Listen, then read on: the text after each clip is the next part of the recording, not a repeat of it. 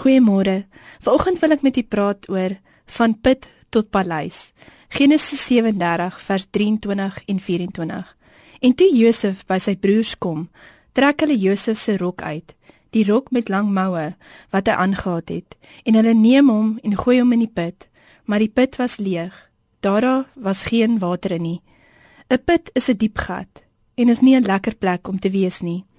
Ons lees hier in die skrif dat Josef deur sy eie broers verkoop is en as slaaf omdat hulle hom gehaat het. Hulle het hom in die put gegooi met die hoop dat hy sou sterf. Maar God het 'n ander plan met Josef gehad. Hulle verkoop hom toe aan slawehandelaars.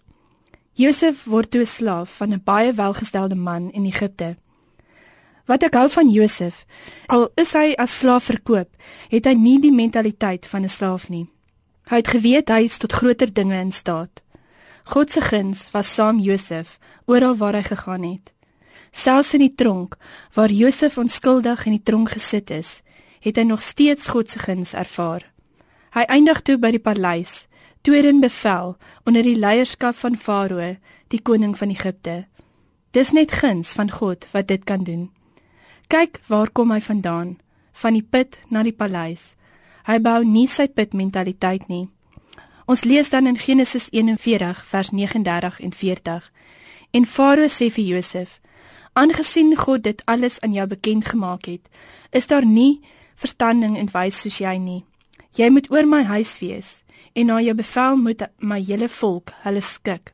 Alleen deur die troon sal ek groter wees as jy." Hoe het Josef in die paleis geëindig? 1. Hy het positief gebly. 2. Hy het nie bitter geword nie. 3. Hy was vol vertroue. 4. Hy het aanhou vertrou op God. Josef het die regte houding gehad. Met 'n verkeerde houding kan mens by 'n paleis begin en eindig in 'n put. So baie van ons kry soveel geleenthede op ons pad.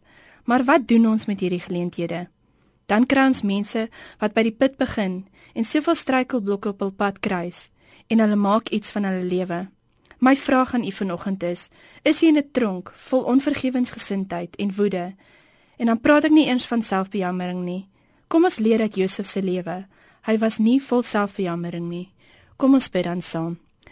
Here baie dankie dat ons vandag kan weet, maak nie saak wat ons omstandighede is nie. Ons kan altyd op U vertrou. Dankie vir die guns van God wat elkeen van ons kan volg. En daarom bid ons vandag dat die guns van God ons sal volg dat ons uit ons put uit sal kom en dat ons in die paleis kan eindig. Amen.